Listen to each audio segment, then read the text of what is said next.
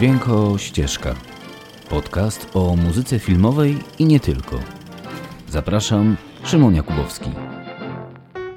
Witajcie w Dźwięko Ścieżce.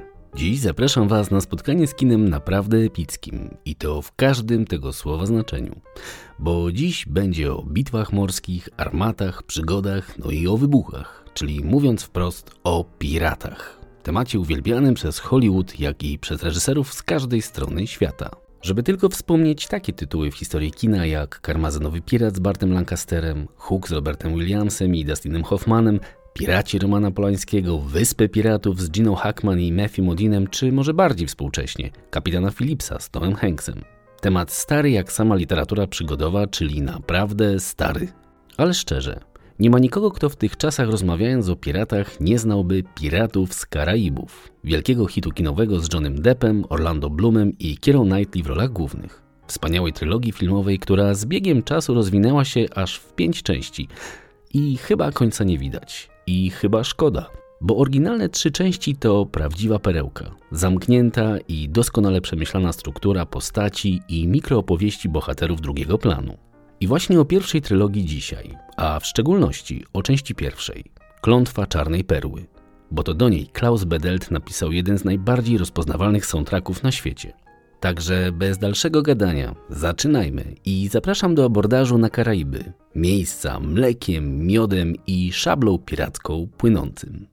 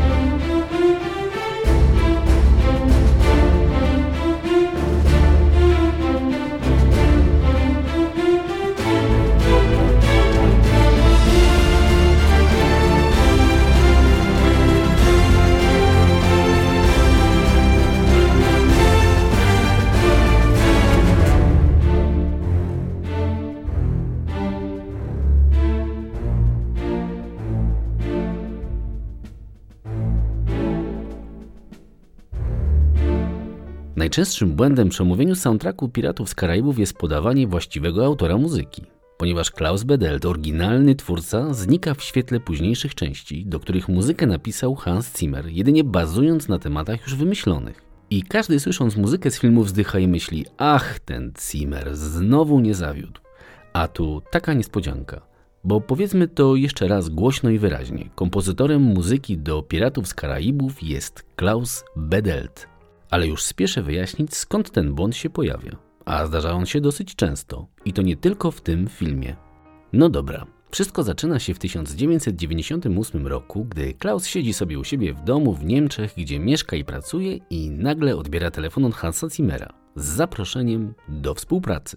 Miesiąc później Klaus przeprowadza się do Los Angeles i rozpoczyna karierę, która zwyczajnie przytłacza efektem artystycznym. Ponieważ Klaus poza komponowaniem zajmuje się również produkcją, jego współpraca z Zimmerem staje się nierozłącznym elementem każdego soundtracku, jaki wychodzi spod ręki Hansa Zimmera. I przecież wszyscy wiemy, że w tych czasach postprodukcja jest najważniejsza. Wie to i Zimmer, dlatego połowę soundtracków wymyślonych przez Hansa Zimmera podpisują jednak oboje panowie. Bo Klaus Bedelt to po prostu geniusz produkcji i swoją wrażliwością nadaje dodatkową wartość kompozycjom Zimmera. I stąd ten błąd, i to, jak już mówiłem, dosyć częsty, bo panowie zwyczajnie tworzą nierozłączny duet. Choć to niewątpliwie Hans Zimmer zbiera całą śmietankę.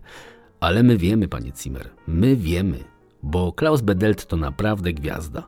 Skomponował lub współtworzył z innymi muzykami do dziesiątek filmów, żeby tylko wspomnieć takie tytuły jak Konstantin, Miami Vice, Ultraviolet, Książę Egiptu, Gladiator, Mission Impossible 2, Pearl Harbor, Asterix, Wimbledon i wiele, wiele innych.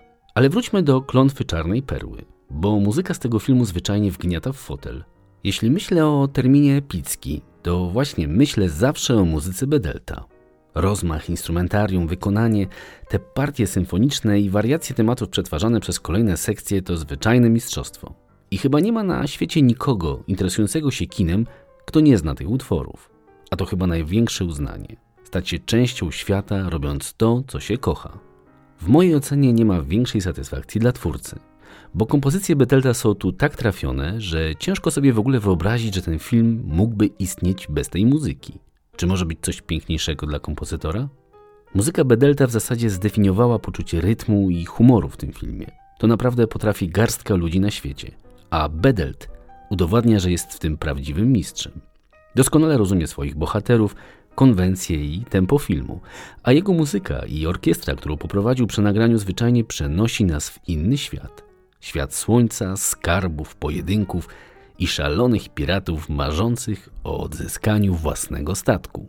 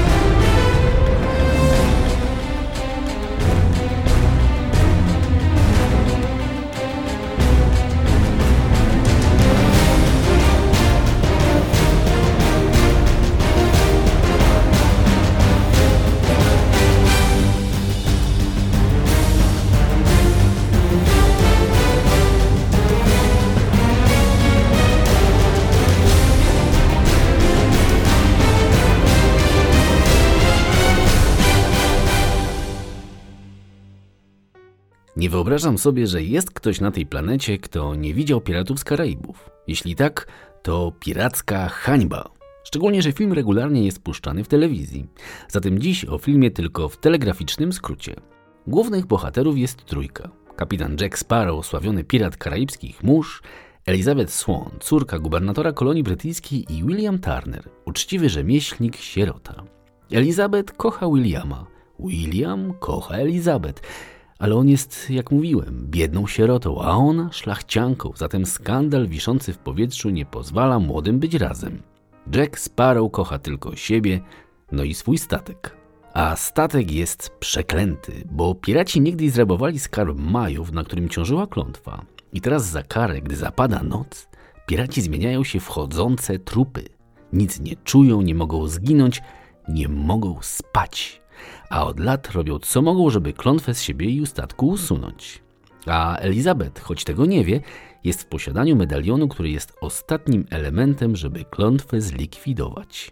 I tak zaczyna się wielka przygoda. Elizabeth zostaje porwana, William rusza w pogoń, żołnierze królewskiej mości zgrzytają zębami, a piraci siekają szablami, armaty strzelają salwami, a Jack Sparrow, o, przepraszam, kapitan Jack Sparrow robi co może, żeby odzyskać swój statek, tytułową czarną perłę. No kino naprawdę, już to mówiłem, epickie.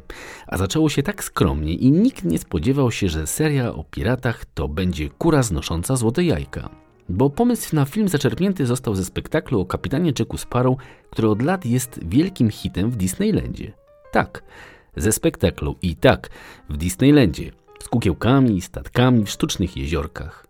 Do filmu zaproszono prawdziwe gwiazdy, a reżyserią zajął się Gore Werbiński, który w Stanach narobił spore zamieszanie swoim horrorem Ring.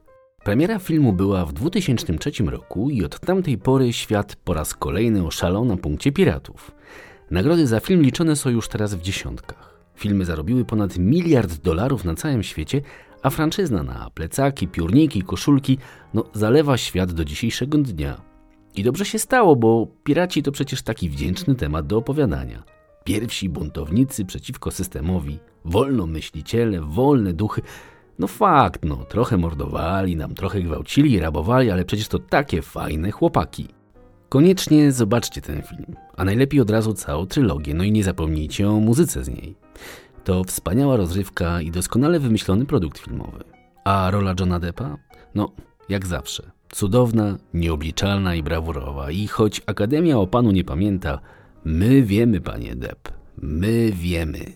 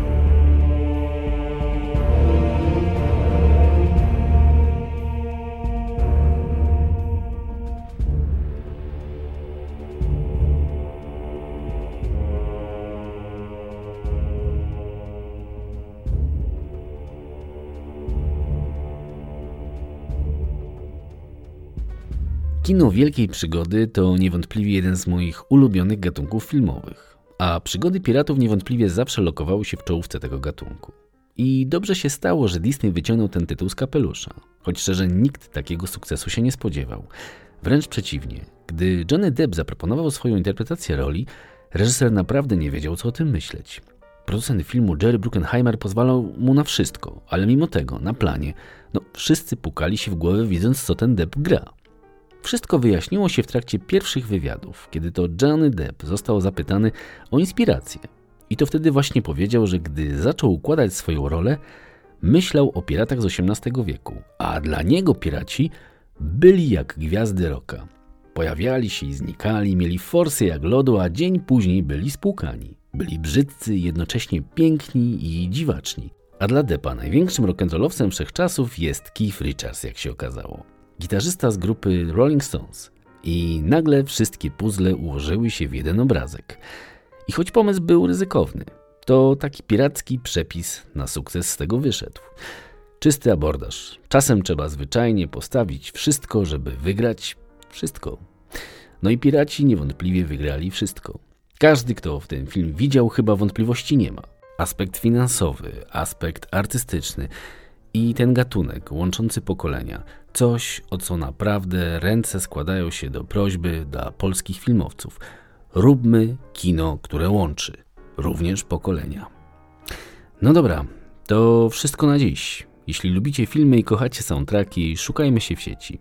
I jeszcze na koniec. Choć nie jest łatwo w tych czasach zostać piratem, założę się, że wielu z Was myślało kiedyś o tym i o tym marzyło. I mam dla Was prezent pod choinkę. Wymyśliłem, jak możecie zostać piratem. Tak, choćby na chwilę. Słuchacie? Proszę bardzo, oto przepis. Wystarczy, że pojedziecie na wycieczkę na Karaiby i tam na plaży wyciągniecie laptopa i zaczniecie nielegalnie ściągać jakąś piosenkę, płytę czy nawet film. I gotowe. Właśnie zostaliście piratem z Karaibów. Wesołych świąt! Najlepszego dla nas wszystkich w 2020 i niech za rok nie będzie się czego wstydzić. Tego sobie i Wam życzę. Czołem!